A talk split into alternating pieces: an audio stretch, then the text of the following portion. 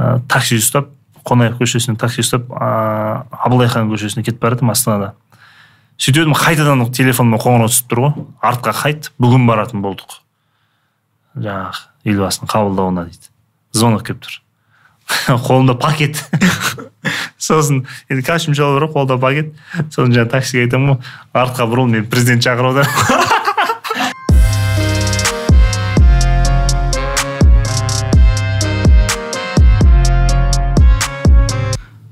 қалайсың жандарбек жақсы аллаға шүкір аман иә, қош келіпсің.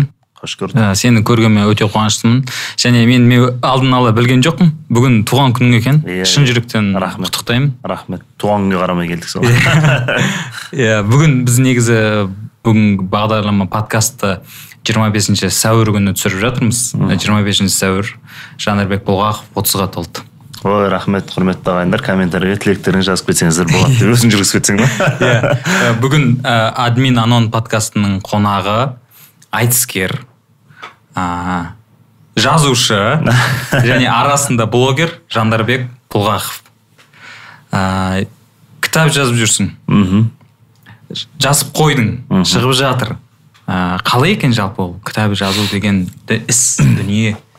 Енді жазушы деп айтуға келмейтін шығар біздікі. Ііі кітап ә, бұл сөз менеджменті деген кітаппен жарыққа шыққан енді білетін көрермен бар білмейтін көрермен бар. Бұл жалпы айтыс өте бір синкретті өнер ғой жан жақты өнер. Ол жерде сахнадағы отырысың бар домбырада аспапта ойнауың бар әртістік қабілетің бар ә, жаңағы көрерменге сөзді сазбен әрлеп жеткізуің бар деген сияқты. Соның бір саласы ойды топшылап орнықты қылып жеткізу осы айтыстың негізгі миссиясына кіреді.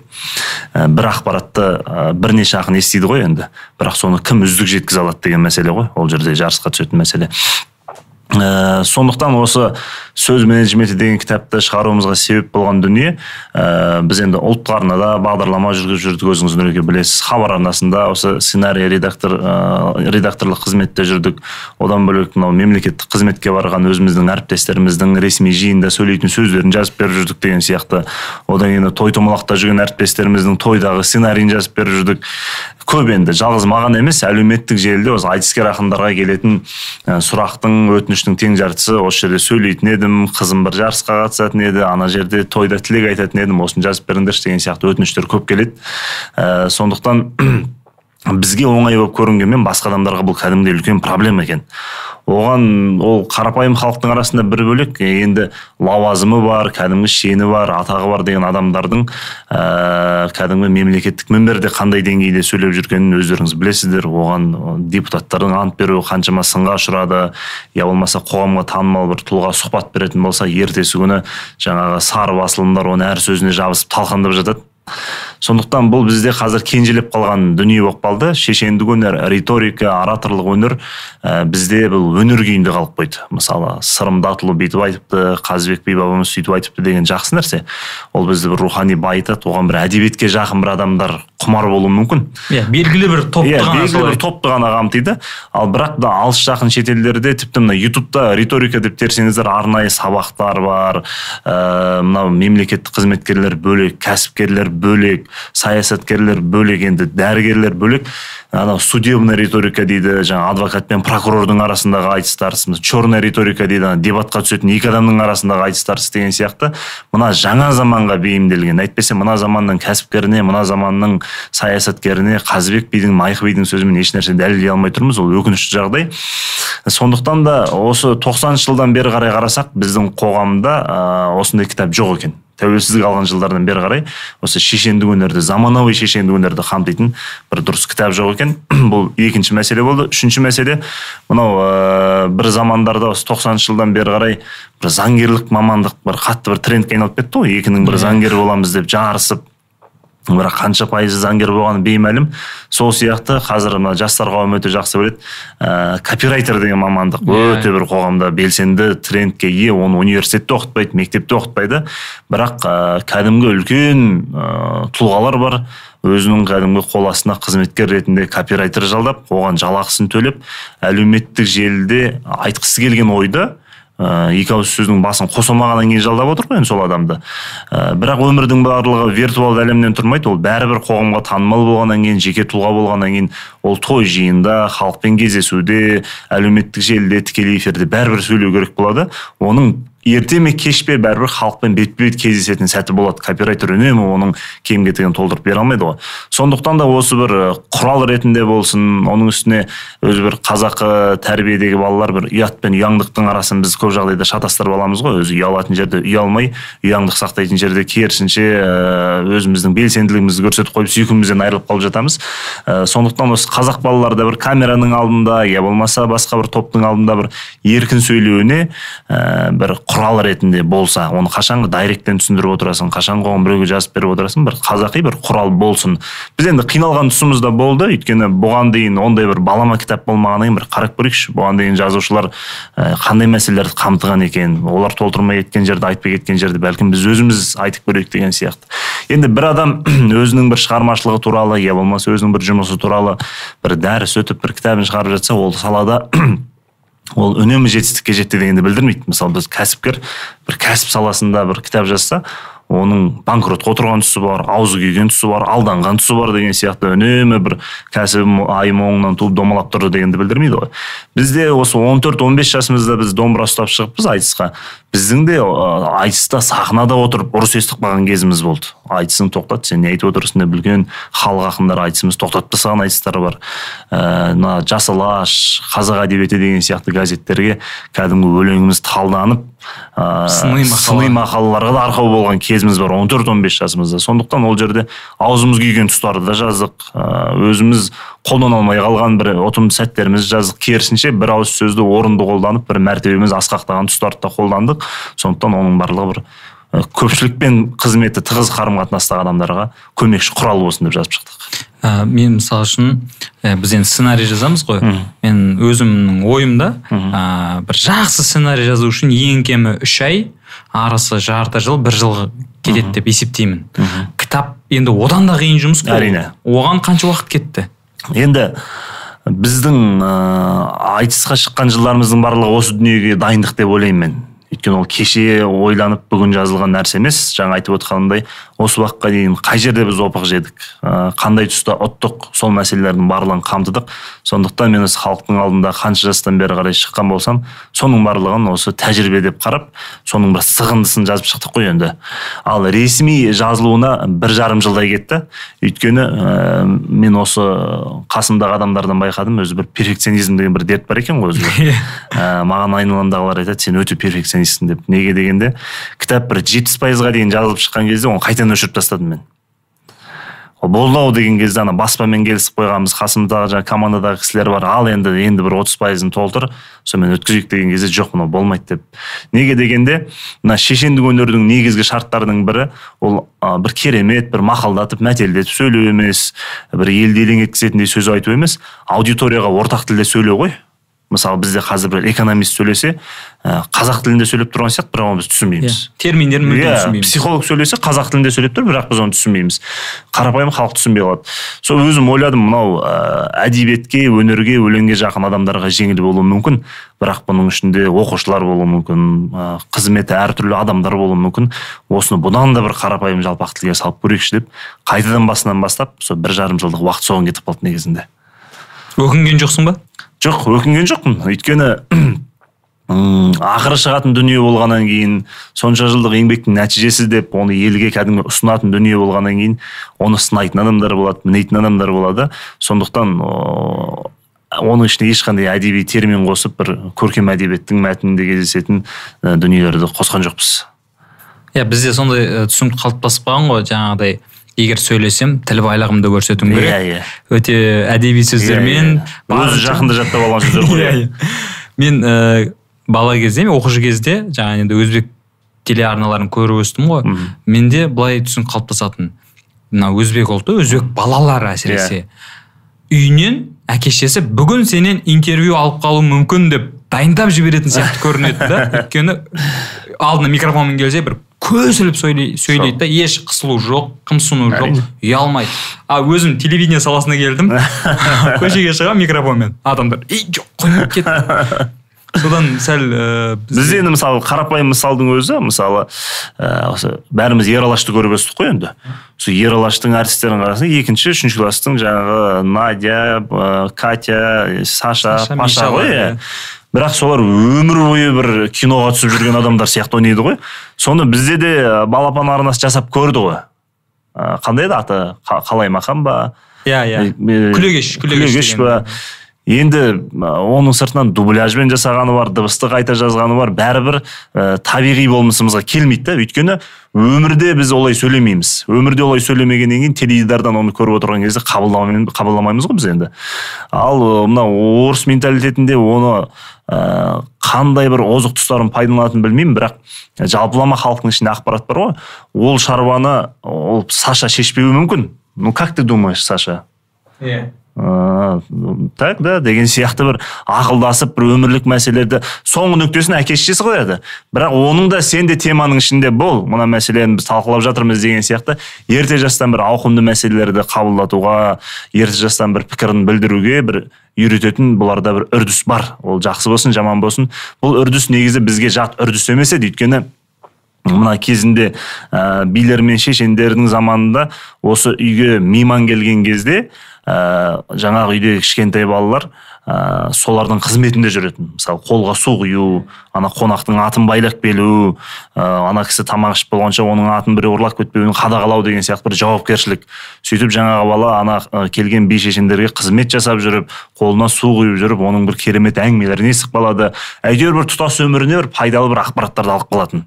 Сондай бір мысалы мына байқоңырда ең алғаш ғарышкерлерді ұшырған кезде ә, сол жерде ә, мына еден жуушы қызметкерлер бар ғой.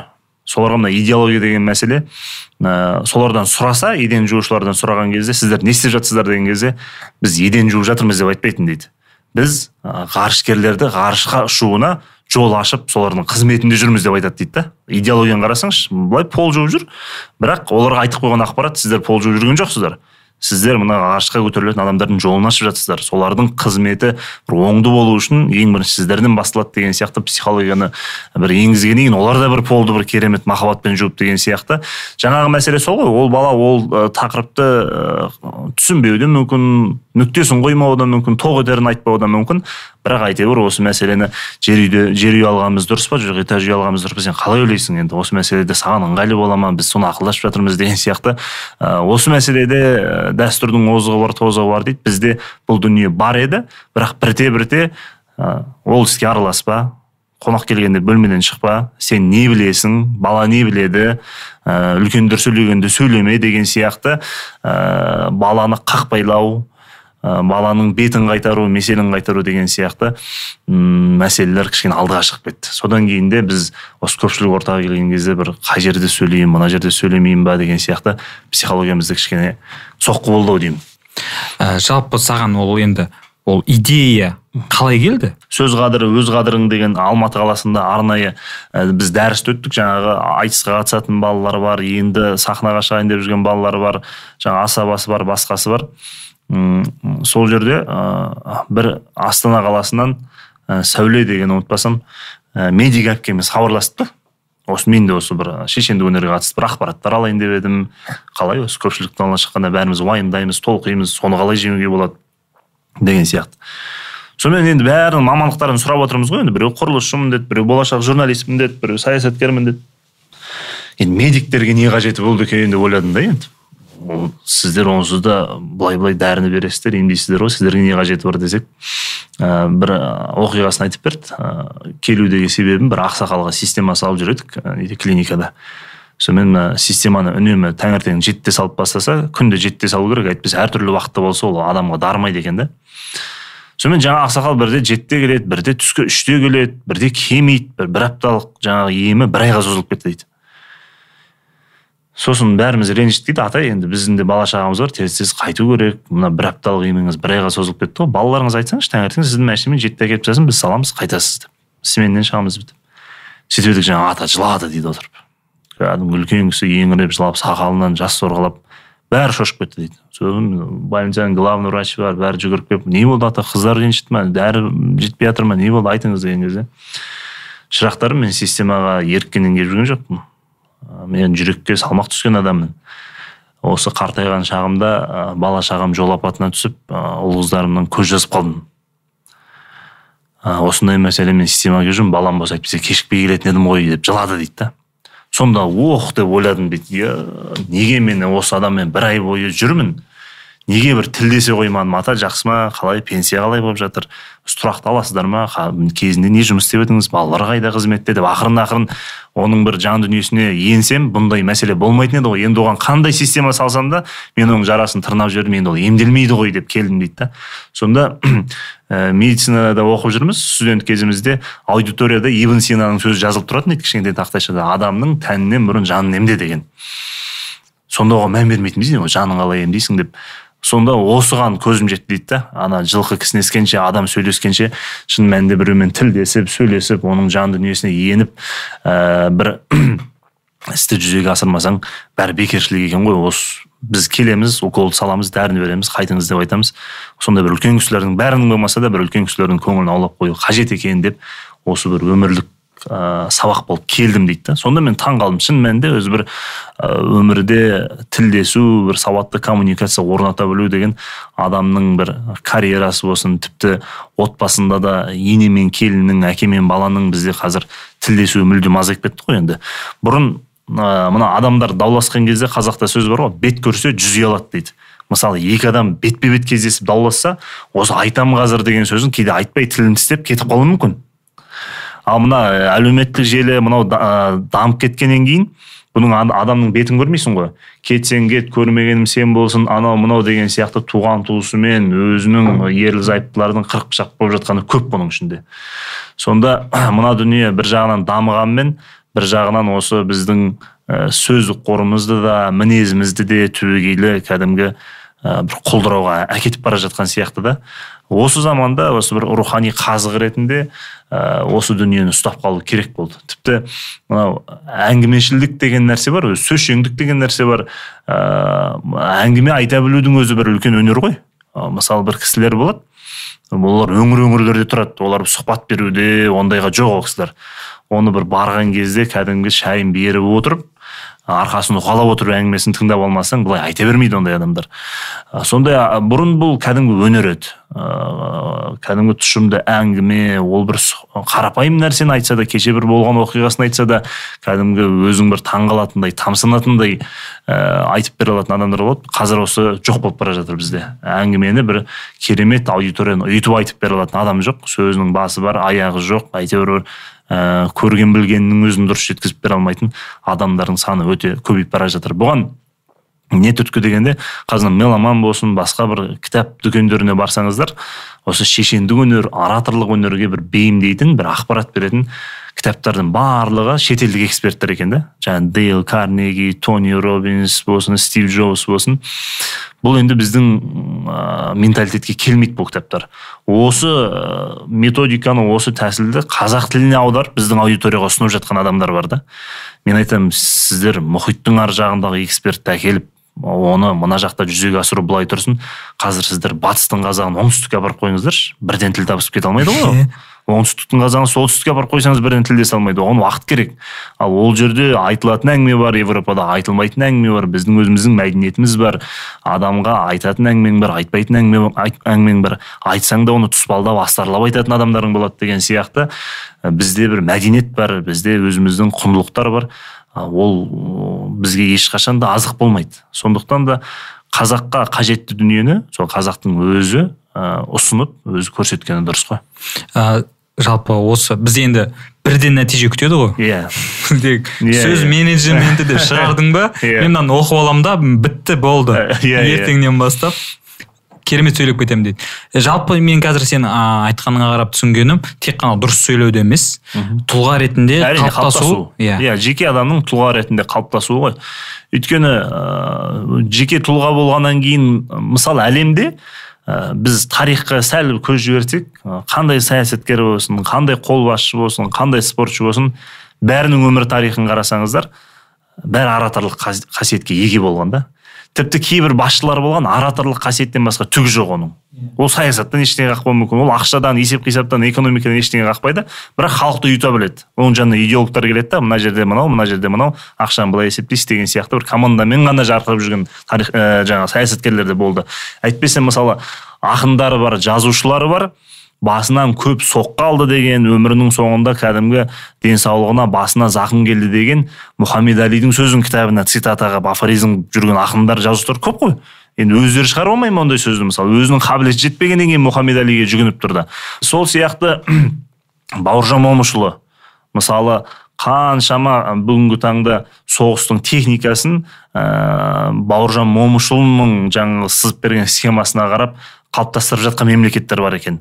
Ыыы егер ол әскери адам ғана болса жаңағы мылтықпен адамды қалай ату керек пышақпен қалай адамды бауыздау керек деген сияқты бір қатыгез адамның образындағы ғана соғысқа жарамды ғана адам болса оның өмірі әскери адамдарға ғана қызық болатын еді. Бірақ бауыржан момышұлының артынан қандай әдеби көркем шығармалар қалды қандай афоризмдер мен цитаталар қалды. Сондықтан ол соғыстан бөлек өмірдің басқа да салаларына жетік адам еді. Болмаса алаш арыстары болсын қай қайсысын алсақ та бәрі мысалы міржақып болсын я болмаса ахмет байтұрсынов болсын қызметтері әртүрлі да мамандықтары әртүрлі бірақ істеген тірліктері мүлдем басқа ғой. Біреуі математик бірақ қазақ тілінің мәселесін көтеріп жүр. Біреуі орманшы бірақ ол түрмеде тұрған кезде медик болып жүр деген сияқты. Ә, өмірдің қандай бір ситуациясы келеді бәріне дайын еді да. Сұхбат десеңіз сұхбат көмек десеңіз көмек. Ә, сондықтан бізде осы мысалы қазір тілінен мүдіріп тілінен сүрініп қалып жатқан адамдар олар сауатсыз адамдар емес. Олар да кәдімгі көз ашып көкірек ою адамдар. Өзінің саласын кәдімгі оқыған сол салада ә, көздің майын тамызып шетелден білім алып келген азаматтар ғой. Бірақ бар болғаны өзінің саласын ғана мұқият қадағалап сол саланы ғана жіті зерттеп ә, басқа салаға кішкене немқұрайлы қарап қойғандықтан ә, сол алған білімдерін жеткізе алмай қалады. Үм, әйтпесе мысалы осы алматы қаласында мен ә, көлік алып соның бір номерін алуға халыққа қызмет көрсету орталығына бардым.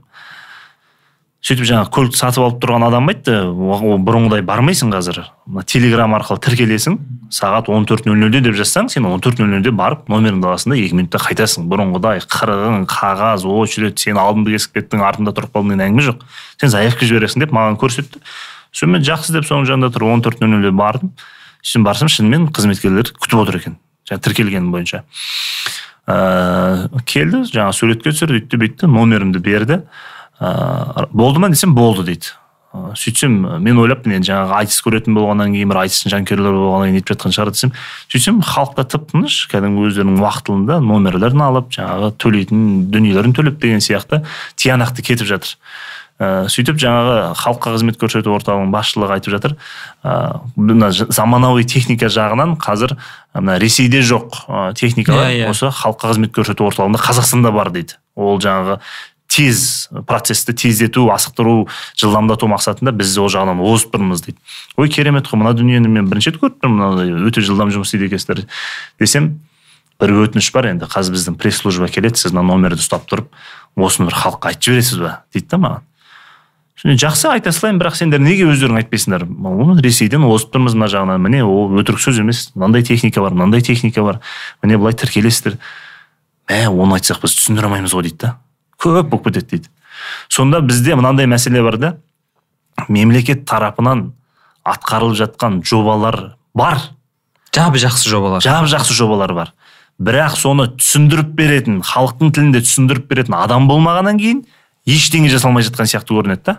Мысалы жаңағы дүниені халыққа қызмет көрсету орталығында біз карантин уақытында қаншама мысалы сол жаққа күніміз туды. Е қойшы оны сосын карантин бітсінші сосын барамыз деп қаншама адам справкасын алмады үйтті бүйтті деген сияқты. Осындай дүниелер бар да мысалы. Ал керісінше жақсы жобаны түсіндіремін деп бытшын шығарып жіберіп түсіндіретін адамдар бар да. Ол әп әдемі жоба еді. Не жеткізбей айтады не оны асырып жіберіп кәдімгі жоқ нәрсені бар қылып көрсетіп бар нәрсені жоқ қылып көрсетіп бізде ә, шектен шығарып жібереді.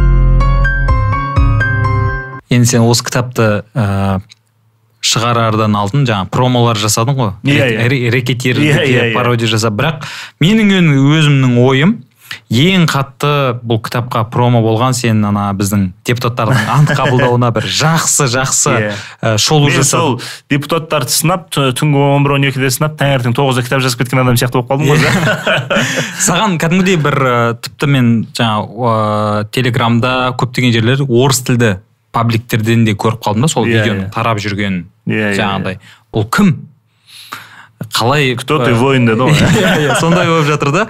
Енді мен ә, ол ол видео арнайы жоспарланған болды ма? Жоқ әлде сен көрдің да ана видео ә, депутаттардың ант ол қабылдауын былай болды ғой. Енді бұған дейін де талай депутат келіп талай депутат кетті ғой енді. Бұған дейінгі депутаттардың қалай ант бергенін біз білмейміз мысалы. Бұл жолғы депутаттардың ант бергені қалай көрініп қалды? Ә, мысалы праймеризге қатысуға маған өзіме тікелей ұсыныс түсті. Ә, мен енді өзім қатыса қоймадым бірақ жүрсін ерманов ағамыз бар айтыскерлердің аға буын ақындардың біразы қатысты. Айбек қалиев ағамыз бекарыс шойбеков ағамыз аманжол әлтаев ағамыз. Ә, қаншама өзімізбен құрбы құрдас енді енді саясатқа қадам басып жүрген адамдардың барлығы бүгін ертең депутат болып кететін сияқты бір әсерде болды ғой енді. Кәдімгі елеңдеп отырдық кім болады екен? әй осы президент болып кетеді ау деп отырдық қой. Иә бәрі үміттеніп әйтеуір.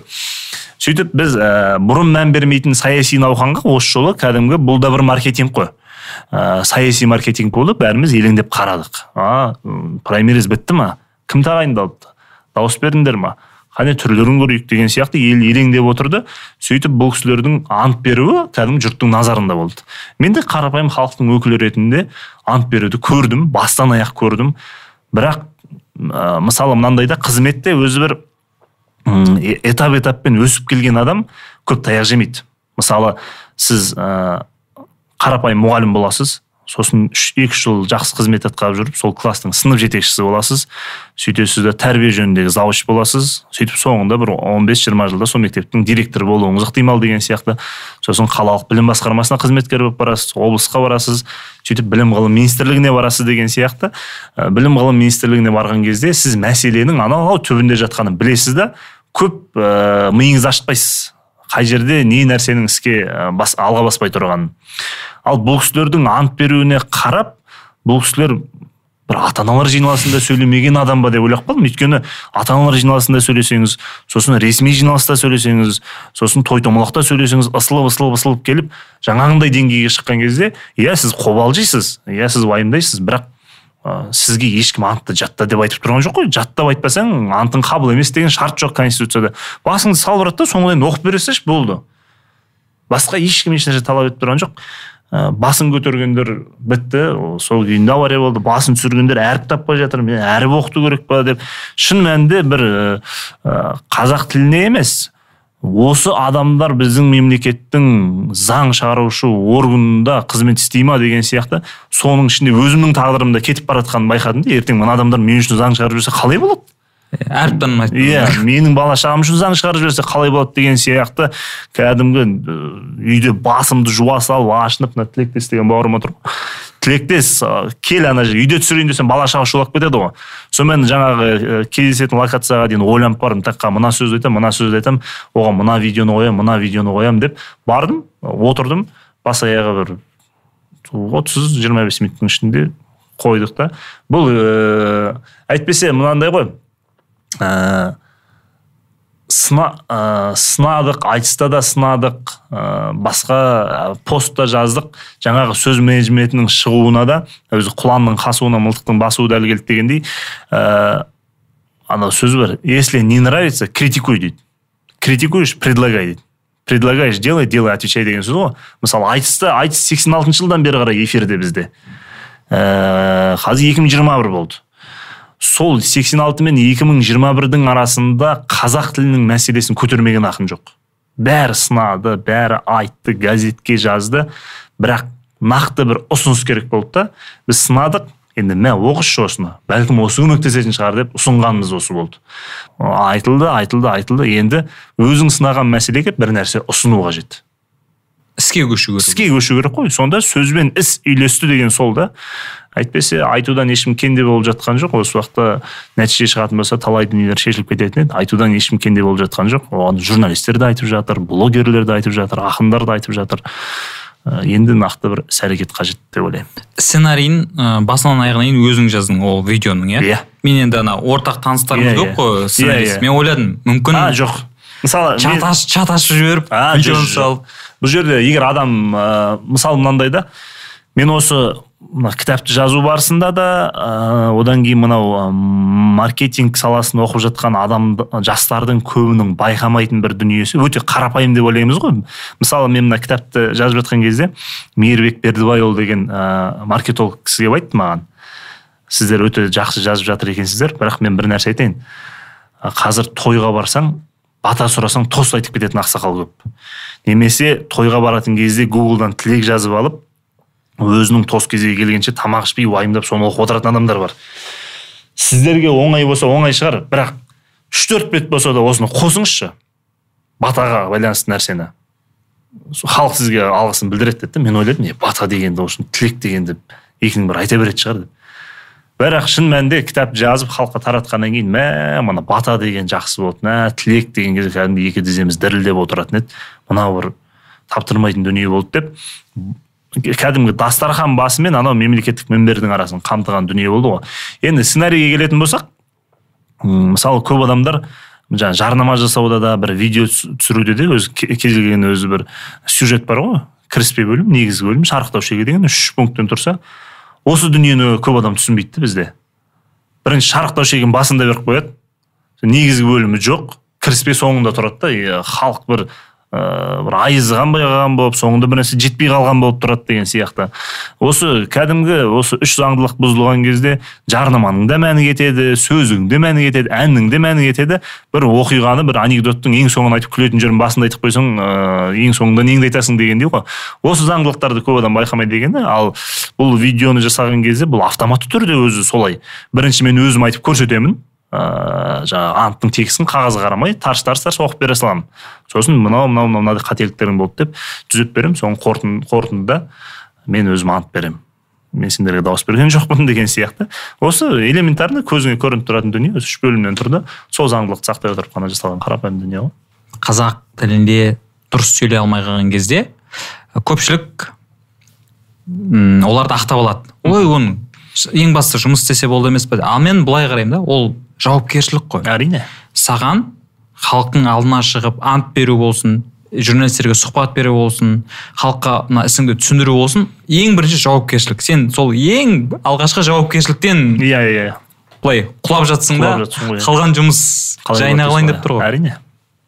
Бізде өзі мысалы журналистер неге ә, мемлекеттік қызметкерлерді қуып жүреді өзі? Кешкі жаңалықты байқасаңыз кабинеттің есігін жауып алып помощнигі шығып қазір бос емес деп жатады ғой неге? Ол ол да сұхбат бергісі келеді. Бірақ ә, неге пресс секретарь жалдайды? Өзі айта салса болады ғой сол сөзді енді бірақ көп жағдайда сол тілден сүрініп кетуден қорқады. Немесе тілден сүрініп кететінін өзі анық біледі.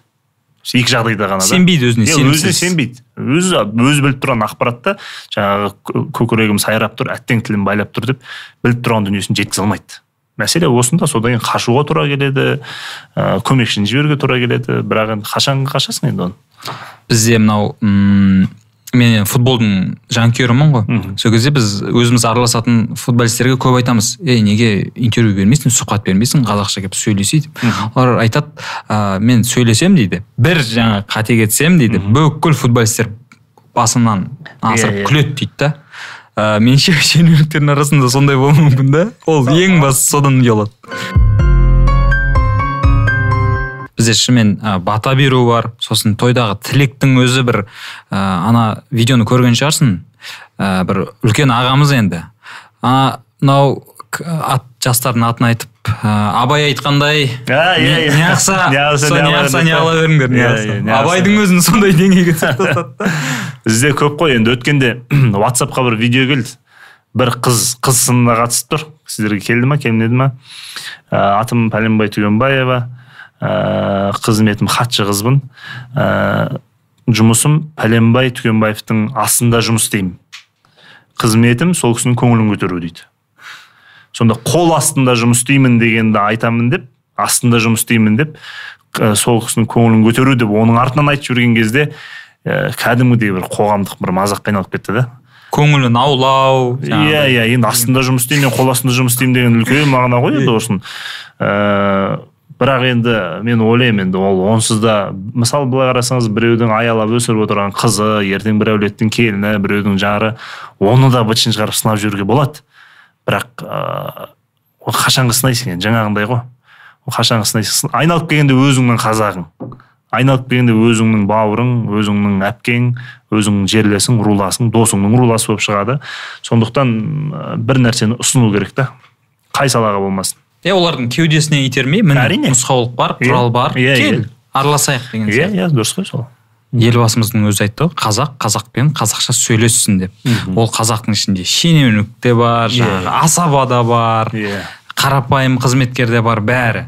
Енді осы сөз менеджментінен кейін қазақ қазақпен қазақша дұрыс сөйлессін деп айтуға болатын шығар. Болады болады. Дұрысты қосу керек дейсіз иә. оның астында жандарбек бұлғақов деп тұрады да. Иә енді елбасын тыңдамаған адамдар бізді қалай тыңдайды көреміз енді. Тыңдату керек енді? Иә бірлесіп. Иә иә бірлесу керек қой. Енді айтысқа ойыссақ айтыста жалпы не жаңалық болып жатыр қазір? Мен айтыспай кеткеніме біраз уақыт болып қалды. Соңғы рет қашан айтыстың? Жүрсін ағамыз звондады осыдан бір төрт бес күн бұрын ба екен? Ей айтысқа келмейсің ба деп. Кәсіпкер болып кеттің ба дейді маған жоқ кәсіпкер болып кеткен жоқ бірақ қазір айтыстар болып жатыр. Кеше ғана осы алматы қаласында асыл домбыра деген айтыс өтті. Оған өзіміздің әріптестеріміз келіп қатысты. Карантинге байланысты енді адамдар жоқ. Залда қазылар алқасының алдында ғана өнер көрсетіп жатыр. Өкінішке орай таразда өтті. Ыыы бір кереметтей бір алып бара жатқан жаңалық жоқ. Халық халық жоқ. Шымкентте бір айтыс өтті біраз. А шымкент а ол енді иә ол енді ыыы ол енді бір шу болған жаңалық болды. Иә видеолар тарап жаңағы. Мен ана бір ұлттық арнада бір наурызға байланысты түсірілім болды. Соны жаңағы төреғали екеуің бір айтысып наурызда енді айтыстың бір үзіндісін көрсетіңдерші деді да жақсы деп келісе салғанмын сонымен айтысып бір бес минут айтыстық па эфирный вариант қой. Сосын әлеуметтік желіге салып қойсам астына бір жазып қойыпты. Қырық миллион бөлген айтыстарың осы ма? деп. Сосын түсінбеймін мен қай жақта қырық миллион сөйтсем жаңағы шымкенттің жаңағы бюджетін санап отыр екен ғой. Енді ол шу болды енді ол жердегі ақ қарасын құдай біледі. Енді қаншалықты шынайы сонша қаражат кеткен мен енді оны айтысқа да қатысқан жоқпын. Ол, ол, ол жағдайға байланысты бір пікір білдіруден аулақпын енді. Мен өзім ойым былай да. Негізі біз ә, қазақша сондай дүниелерге аз ақша ну көп ақша бөлмей үйретіп тастағанбыз ғой. Иә yeah, менің ойым бөліну керек. Негізі жақсы бөліну керек. Бірақ оның нәтижесін көруіміз керек қой біз. Yeah, сол yeah меніңше нәтижесін көре алмағандықтан ол айтысқа көрермен болып бара алмағандықтан ол да мүмкін адамдарда сондай реніш туды да. Иә иә жалпы халық келіп көріп оны әркім әлеуметтік желіге салып осындай айтыс болды десе бәлкім бұндай дау болмайтын еді дұрыс айтасыз. Енді ә, айтысқа былай тереңірек үңілсек жалпы айтыста м сен осыдан бір үш төрт жыл бұрын айтып едің ә, айтысқа мен екі үш ай дайындаламын жаңағыдай кетіп қаламын деп ше? Иә иә иә. Сол процесс қалай жүреді жалпы? Мысалы дайындық айтысқа шақыру келді. Одан кейінгі әрекеттер қалай? О былай ғой енді екі үш ай кетіп қаламын дегенде тура айтысқа звонок келген күнде кетіп қалмайсыз ғой мысалы ә, біреумен сұхбаттасудың өзі айтысқа дайындық қой. Өмір көрген я болмаса бұрын айтысып кеткен мысалы аға буын ақындармен мысалы меліс қосынбаев ағамызбен мен звондасып сөйлесіп тұрамын. Ол кісі бірдеңе айтсаң үнемі теріс сөйлеп әр сөзіне бір іліп шалып отырады. Оның өзі ә, жылдам жауап беруге адамды бір ә, техникалық жағынан ә, ойдың ұшқырлығына бейімдейді мұхаммеджан ағамызбен сұхбаттасып өмірде көрген білгендерін тыңдап тұрамыз деген сияқты. Балғынбек ағамыз бар айнұр әпкелеріміз бар. Олармен сұхбаттасудың өзі тілдесудің өзі айтыста болған оқиғаларын естудің өзі. Сол ситуацияда мен былай шығып едім я болмаса айтыста осылай дайындалып едім деген нәрсесінің барлығы. Ол да дайындықтың несіне қосылады қатарына қосылады. Ә, одан кейін кино көрудің өзі айтысқа дайындық мысалы ә, жақсы жақсы біз бұрын ойлайтынбыз ғой кино деген азаннан кешке дейін төбелесе беретін дүние деп. Бірақ ә, қазір өте бір идеологияға да адамның психологиясына да бір жаңа идеялар беретін өміріңе бір өзгеріс беретін жақсы жақсы туындылар бар ғой. Мысалы мысалы мынандай да поймай меня если сможешь деген кино көрген шығарсыздар екі мың екінші жылғы кино. Сонда жаңағы бір сұхбат бар. Осыны бір ағамыз маған әңгіме қылып айтып отыр. Сол киноны көр деді соны көрдім.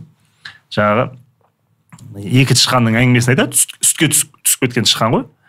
Ә, біреуі паника дейді да. Ойбай біз баттық деп жаңағы сүтті ішіп қақалып соңында өліп қалды дейді. Ал екінші тышқан ол жаңағы тынбай шығатын жол іздеп айнала берді айнала берді айнала берді айнала берді айнала берді. Сөйтіп сүтті кәдімгі ұйытып май қылды дейді да. Айран болды сөйтіп май болып кетті дейді да. Осы әңгімені мен бір жерден естігенмін дейді да жаңағы кісі. Қай жерден естідім мен мынаны деп. Ойлап отырмын ойлап отыр едім опа деп ойланып сөйтсем ауылда баяғыда біз қой бағып жүрген кезде аятхан деген шал болатын дейді. Осы екі тышқанның әңгімесін аятхан бізге бала күнімізде айтып отыратын дейді. Аятхан біздің шопан аятханның әңгімесімен мыналар оскар алып жатыр ғой дейді да.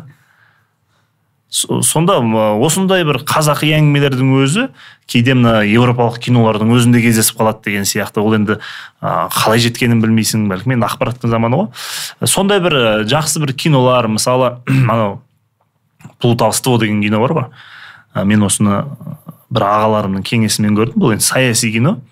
Сонда президенттік сайлауға байланысты болады. Бір президент бір кандидатқа бір теріс жұмыс істейді қоғам болып жабылады оған жаңағы ар ожданына нұқсан келтіретін халықтың сенімін азайтатындай жұмыс болады. Бүкіл команда жабылып керісінше сол адамның абыройын қайтадан восстановить етуге жұмыс істейді ғой. Әншісі бар ақыны бар тез арада қайтадан оның абыройын халықтың сонда саяси процесс қалай болады дегенде сонда бір сөз айтады. Өткелде ат ауыстырмайды дейді. Орысшасы қалай екенін ұмытып қалдым. Өткелде ат ауыстырмайды деген бұл. Қазақта да бар ғой енді. Ә, мысалы қазір бір өте бір ә, алмағайып заман болып тұр. Мына жақта батыс мына жақта шығыс ел есін енді жинап жатыр. Осы кезде біз басшыны ауыстырып жіберсек ол өзінің заңын орнатып болғанша біз бір жақты болып қаламыз бір жақты болып қаламыз ғой деп кинода айтып жатыр да. Сонда өткелде ат ауыстырмайды дейді. Не деген жақсы сөз мысалы? Оны неге мысалы өмірде бір жерде қолданбасқа деген сияқты? Сондай бір ә, кинолардың ортасындағы ә, бір персонаждардың өмірлік шешім шығаруы я болмаса олардың сөзінің өзі айтысқа дайындық деп ойлаймын. Әйтпесе тұтас отырып алып ә, кабинетті іштен жауып алып өзіңмен өзің отыру емес. Біреумен тілдесу оқыған кітабың көрген киноң араласқан адамдарыңның барлығы ә, сенің ой өрісінің жетілуіне тікелей себепкерлер ғой енді. Сол сол процесс айтысқа дайындық деп ойлаймын. Ал қарапайым түрде айтыстың тақырыбы белгілі болғаннан кейін енді тәуелсіздіктің мысалы биыл отыз жылдығы ма? Отыз жылдыққа байланысты осы отыз жылда елеулі оқиғаларда не болды мысалы? Және жылда тәуелсіздік айтыс болады. Бұған дейін тәуелсіздікке қатысты қандай ақпараттар айтылмады? Тәуелсіздіктің тәуелсіздік болуына кім шынымен ықпал етті кім өтірік ықпал етті деген нәрселердің барлығын енді ә, іздейсіз ә, оны өлеңге айналдырасыз. Өлеңге айналдырғанда сіз білетін ақпаратты мен білетін ақпаратты мысалы сіз де білесіз. Бірақ сіз бен менің жеткізуім мүлде басқаша. Ә, мен сізден мықты қылып жеткізуге тырысамын сіз менен мықты қылып жеткізуге тырысасыз. Кімдікі удачный вариант кімнен шығады? Ә, сол халықтың көңілін табады ғой. Өте сәтті шумақтар бар ғой. Иә иә. Солар мысалы үшін алдын ала келе ма? Не? Енді суырып салма ол бір басқа. Мысалы үшін енді алдын ала сен бір шумақ шығарып алып осыны иә yeah, соған ставка қоясың ғой былайша айтқанда. Иә иә осыны былай алдырып айтсам деген. Сондай қалай алдын ала алдын ала ғой. Өйткені жаңағы формасын іздеу дейді ғой енді. Формасын іздеу. Мысалы балғынбек ағамыз айтысқа шығатын кезде не айтам қандай шумақ айтамын деп ойланбайды ол кісі. Бізбен ақылдасып бір ақ сұрақ қояды. Қандай ән айтсам болады дейді. Бітті. Иә. Ол кісі үш кезек бойы бір халықты дуылдатып шуылдатып жіберетін шумақ айтпауы мүмкін. Бірақ соңында өзі жаңағы коэффициенті жоғары деп отқан ставка деп отқан әнімен залды жарып жібереді да. Сол сияқты алдын ала ойласады. Ә, мысалы қазір бір газетке я болмаса бір сайтқа бір вакцина дейікші мысалы қарапайым вакцина. Вакцина туралы мақаланы бәрі естіді вакцинаны салсаң өліп қалады екенсің деді біреу тірі қалады екенсің деді біреу бес жүз мың береді екенсің деді. Енді осы ақпаратты қалай жеткіземіз? Осы процессте кім үздік болады кім озық болады кім қанша уақыт ойланады? Сол адам сол адамның жаңағы шумағы өте сәтті шығады ғой.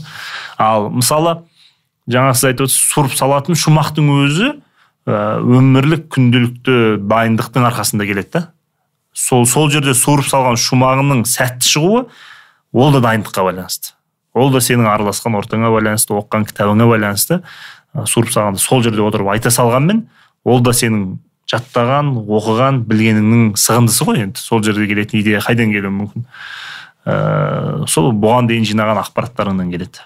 Біз енді мынау сценаристер ә, квнщиктер біз айтыскерлердің миы өте тез жұмыс істейтін адамдар деп есептейміз да. Иә, өйткені жарайды сен ә, жаңағы ұйқастыра аласың. Бірақ сол сәтте соның бәрін миыңда ұстап тұрып қарсыласың айтып біткеннен кейін дәл оны мақамға салып жеткізу енді білмеймін енді біз еще мына мынандай мәселе де бар да және ол бір ақ сөз айтпайды ғой сізге. Иә иә. Екі үш сөз айтады. Сосын соңында мына вакцина туралы не дейсің деп кезек береді да. Сіз ананың екі үш сөзін не айтып еді? деп мысалы біреуді өлеңмен емес жаңа не айтып едің не сұрап едің деп кейде ойланып қаламыз ғой. Ананың екі үш ө- тиіскен атакасына жауап бересіз. Одан кейін вакцина туралы не айтасың деген кезде оған жауап беріп барып сосын енді сен мынау туралы не дейсің деп өзіңнің бір ұсынысың болу керек та ол кезде енді ми деген ыыы былай жұмыс істеп жатады ғой ойбой автоматом кетіп жатады ғой. Ә, сол кезде енді сен жалпы тосылып қалған кездерің болды көп қой тоқтап қалған кездер де болды. Тосылып қалған кездер де болды ұмытып қалған кездер де болды. Мысалы ол айтып жатқан кезде осылай жауап беремін деп ойланып отырып шумағыңды бастап не айтамын деп едім деп ойланып қалатын кезім болады Сол- негізі иә дом- домбыра сол кезде жақсы көмектеседі иә домбыра сол кезде көмектеседі иә. Домбыра сол кезде. жаңағы енді қазір сен айтып жатсың ыыы саған атака жасайды. Мхм. Ә, сен сол атакадан бірінші қорғанасың. Мхм. Ә, сұрақтарына жауап бересің. И контратака жасайсың контратака жасасын иә. айтыстың жаңа шамамен формуласы Иә, сондай болып тұр иә, ғой. иә. негізі айтыстың негізгі шарты ол уәждесіп айтысу. Мысалы аман есенсің ба десе иә аман есенмін деп жауап беру керек та. Өзің қалайсың деген шумағың болу керек артынан. Ал бізде аман есенсің ба десе ауылдың жағдайы не болып бара жатыр деген сияқты айтыстар болып кетті да. Және ауылдың жағдайы не болып бара жатыр десең қол соғатын халық бар. Ох мынау ауыл туралы айтты ғой. Бәріміз ауылдан шыққанбыз ғой деп. Халық қол соқты деп баға беретін жүйрік бар. Ей анау сен аман есенсің ба деп сұрады ғой. Сен неге оған жауап бермедің дейтін жүйрік жоқ та бізде? Ыыы айтыста проблема айту деген нәрсе ол мысалы сүйінбаймен қатаған айтысты құлманбетпен жамбыл айтысты бастан аяқ бір проблема айтып отқан не жоқ та? Проблема айтса да ол адамның тікелей өзіне қатысты.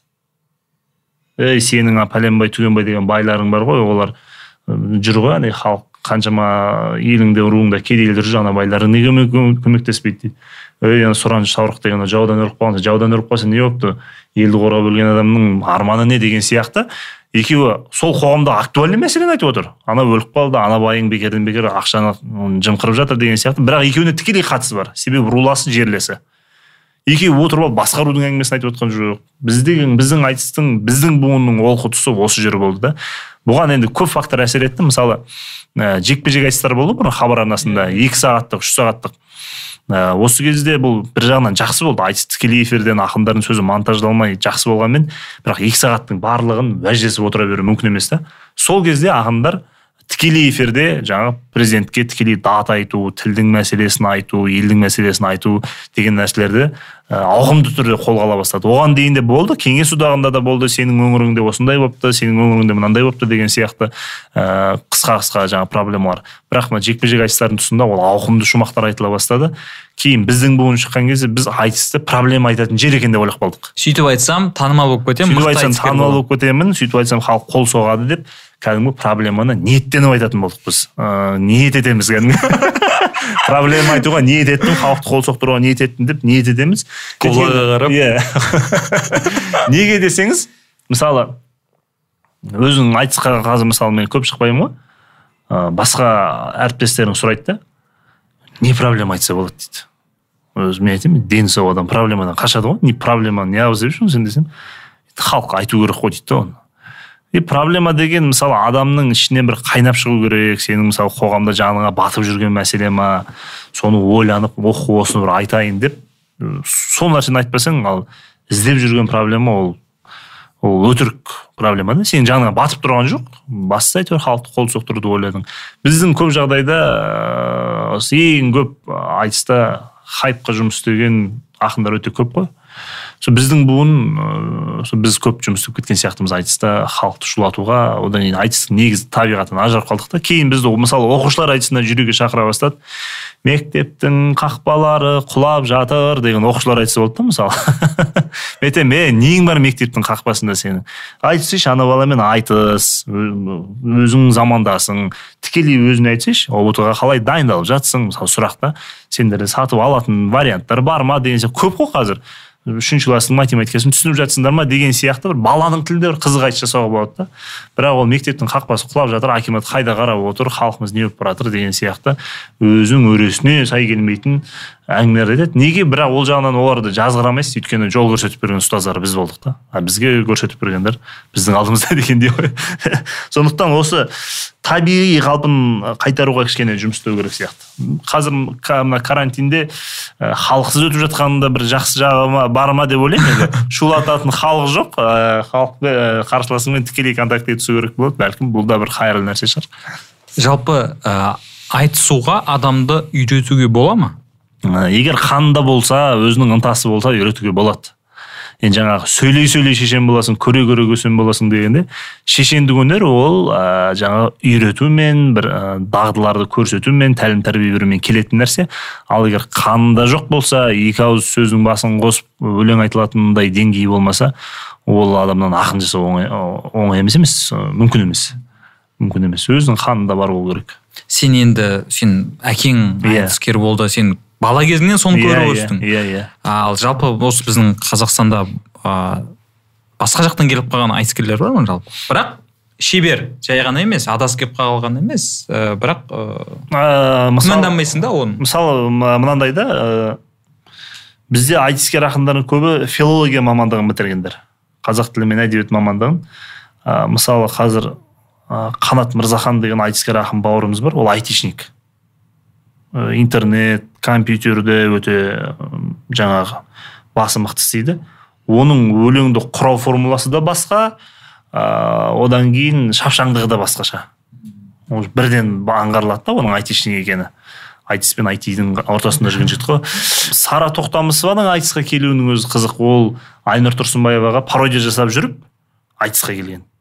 Ринат заитов та сөйтіп келген жоқ па? Енді ринат ол оқыған мамандығы әртістік қой ол онсыз да пародия жасап ақындығы бар деген сияқты. Ал сара тікелей айнұр апайымызға еліктеп айнұр апай семейге айтысқа барған кезде айнұр апай сіз былай айтасыз ғой деп домбыра қағысын көрсетіп жаңағы сахнадағы сызылғанын көрсетіп соны ұстаздары жаңағы марқұм сиязбек ағаларымыз байқап семейде кел сен де өзің сөйтіп айтсаң болады деп жаңағы өлеңдерін құрап беріп кейін суырып салмалық қабілеті ашылып сара мысалы алаштың айтулы ақыны болып кетті. Ә, сондай бір нәрсеге бір нәрсе себепкер болады ғой. Енді бұл жақсы да бұл былай былай келгенде жақсы. Бірақ мына мына тенденция жаман қазір. Ә, мен негізгі мақсаты негізгі көздеген асабалық. Ә, айтысқа бір осы бір қоғамдық мәселені көтерейін деп емес бір керемет өзің бір жан рахаты үшін айтысу үшін емес. Тойдағы ставканы көтеріп алайын. Қазақстан ұлттық арнасынан түрім түспесін.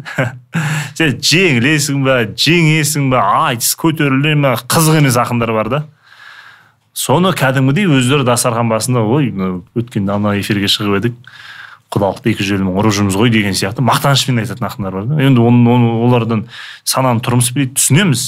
Бірақ тым құрса осы мнениеңді осы пікіріңді айтпай ақ қойсайшы. Жасырсайшы хотя бы. Жасырмай кәдімгідей соны ашық түрде айта береді негізгі ниетің не екенін ашып иә, қойдың. ашып айтып отыр да. Иә сен отбасыңды асыра ақша тап тойыңды басқар ешкімнің қарсылығы жоқ. Бірақ соған бола айтысты құрбан қылып жібермесейші. Сондай бір ақсүйек өнерді болмайтын бір асабалыққа тамадалық. Тамадалық деген кәсіп емес қой былай қарап тұрсаң. Қай кімнің атасы тамада менің ата бабамның ішінде осындай кісі болыпты керемет той басқаратын деп. Бір қазақ айтсыншы маған. Иә менің ата бабам шешем болыпты би болыпты деген кісілер бар. Бірақ атам тамада болыпты деген адам жоқ қой қазақта. Әйтеуір кейін бір пайда болған бір дүние. Ә, соған бола кәдімгі сондай бір керемет айтыстың эфирін айтыстың өзін қар өлеңді кәдімгі төмен қойып жүретін өнерпаздар бар. Ол жасыратын жоқ. Қазіргі буынның балалары айтады да сосын. Иә. Менің ата бабам асаба болған бабам аптасына жеті той тұратын деп. Иә. Инстаграмда айтыскер асаба деп жазылып тұратын.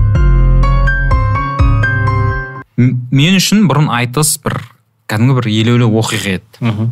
Кәдімгідей оны күтіп егер телеарнадан беретін болса оны күтесің.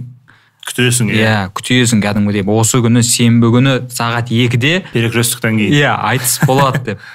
А, сосын кейін мынау ә, ютуб пайда болған кезде ютубтан іздеп көретін едік. Иә иә.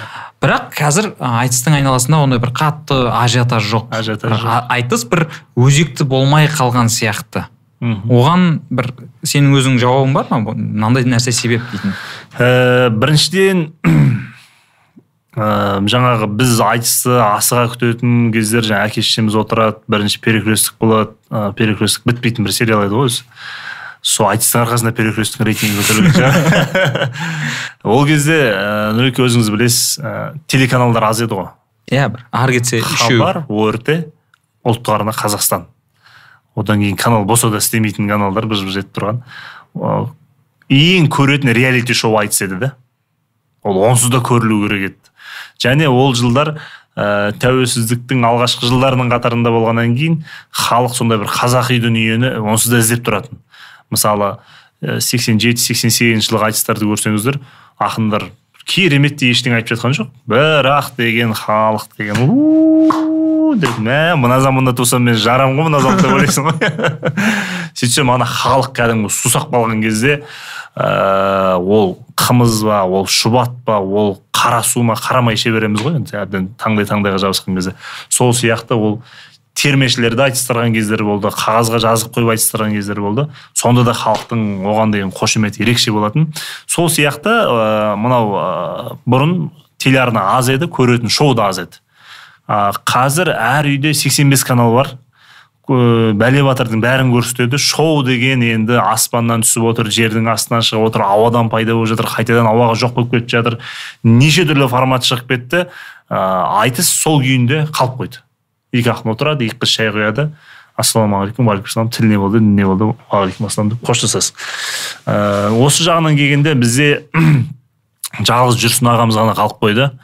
Ә, сәл қасына маркетингті білетін бір озық ойлы жастар жиналу керек пе деп ойлаймын.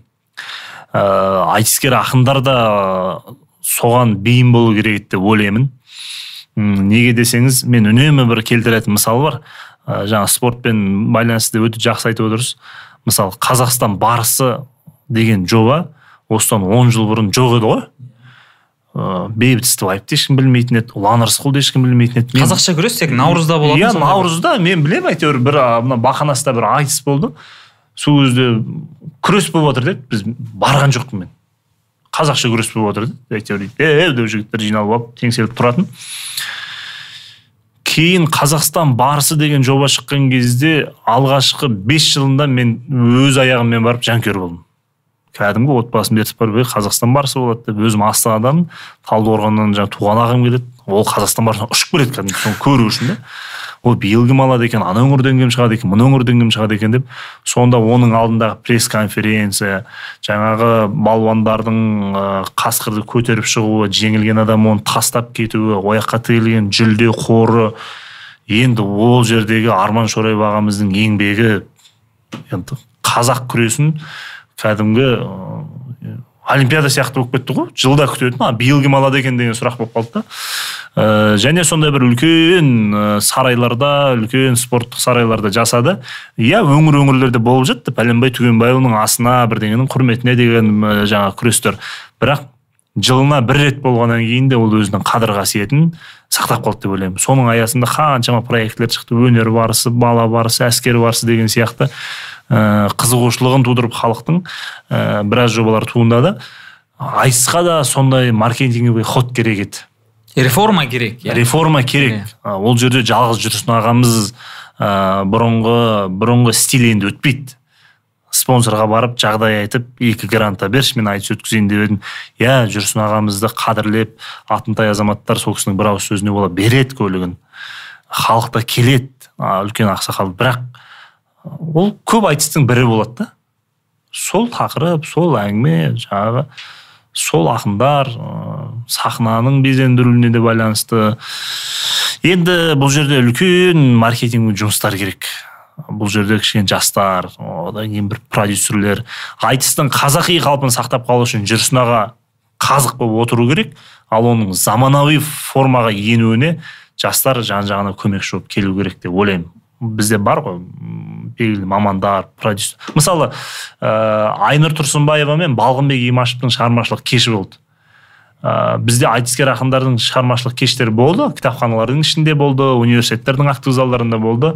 Бірақ үлкен эстрада бағытында біраз шығармашылық кештерді өткізіп клип түсіріп тастаған ә, шетелдік мамандармен тікелей қарым қатынаста жүрген жан мұқановтың айтыскер ақындармен бірігіп жұмыс істеген жобасы осы болды да. Ол жердегі енді ана украинецтердің келіп анандай сахна анандай микрофон домбыраның әрқайсысы біз ондай нәрсе көрмегенбіз ғой біз. Біз кәдімгі ана сахнаға шығу үшін ойбой дайындықтың өзінде біз уайымдап жүрдік қой. Не деген безендіру анау. Қазір сол шығармашылық кешті қайта қайта береді ұлттық арна мысалы жылына қаншама ақын жазушылардың шығармашылық кеші болып отыр неге бермейді? бірақ өйткені ананың форматы бөлек та рейтинг қайсыған береді соны көрсетеді оларда мысалы сондай бір продюсер тұрақты айтыспен айналысатындай қылып қою керек па? Мысалы кімдер? UFC-дің форматында да көп қой мысалы дана уайттар қалай жұмыс істейді мысалы? Карантиннің кезінде алды да хабибті көпір қылып абу дабиге секіріп кетті. Ой жақтың шейхтарын қалай тартты? Ой юсидің инвестициясына әйтпесе ол бір шөл далада бір адам төбелесетін жер емес ана жерде төбелес емес жай жүріп өтсең шөлдеп қаласың ғой.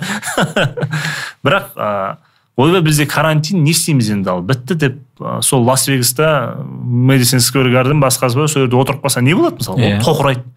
Бірақ залда тірі жан жоқ төрт бес арабтың шейхі отыр әлемнің менмін деген коноры бар басқасы бір төбелесіп отыр. Әйтеуір жолын тауып соның әлеуметтік желідегі сатылымын жасап көп қой енді ондай нәрсе. Ал оның жанында өйткені дана уайттың жанында жаңағы шон шелби дей ма көп қой адамдар.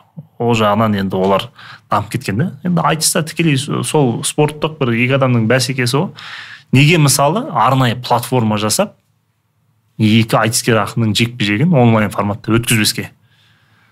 Билетін онлайн продажамен жаса. Пресс конференциясын өткіз оған арнайы жаңағы парольмен кіремін адамдар көп қой мысалы прямой трансляцияны сатып алып болмайтын бірдеңелерді көріп отыратын адамдар көп қой. Бильярдтың да жарысына жанкүйер болып отқандар бар ғой.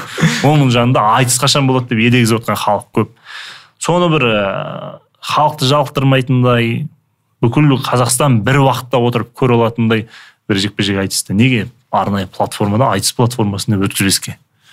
Қатып қалмайтындай тық тық етіп тұрып қалмайтындай бір соған бір қаражат салып істесе оған жаңағы заманауи маркетингті білетін жігіттер жиналса жүрсін ағамыз жүргізіп отырса мен ойлаймын қазақи UFC жасауға болады сөзден деп.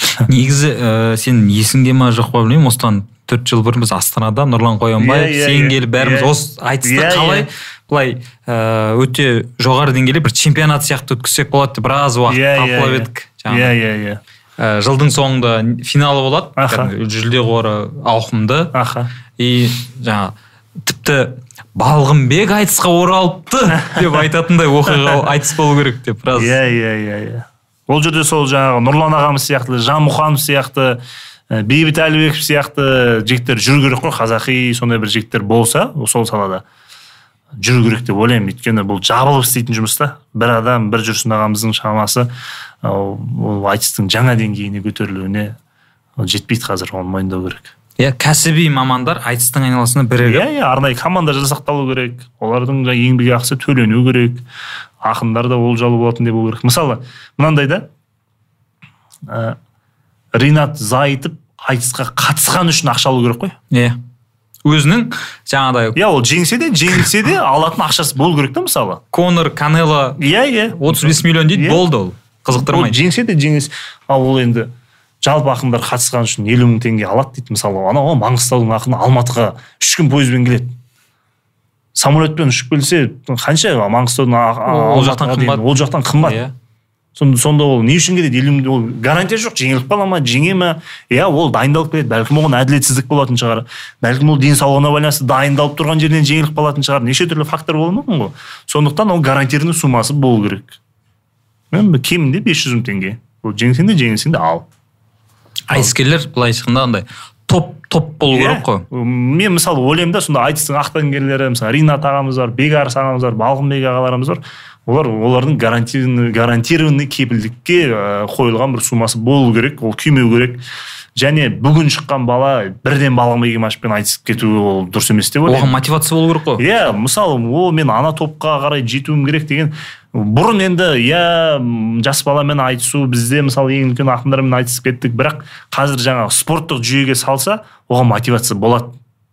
Жаңағы UFC-дің спортшылары дайте мне топовых бойцов деп қақсап жүреді ғой мысалы. Я докажу деп мысалы. Ол сөйтіп үш жеңіс төрт жеңіс қатар болды ма? Мә айтыс пожалуйста. Ринатпен айтысасың ба? Айбек қалиевпен айтысасың ба?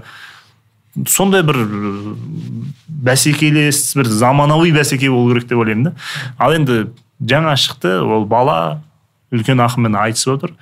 Қазақ балажанды ғой міндетті түрде. Ол, «Ой, жас баланың жолы болсын дейді. Мысалы біз шыққан кезде бізді сөйтіп қолдап кетті да халық. Біз керемет аузымыздан бір алтын төгіліп жатқан шамалы. Бірақ ойлап тұрсақ қазір осы спорттық ыыы жаңағы системаны қойған дұрыс сияқты.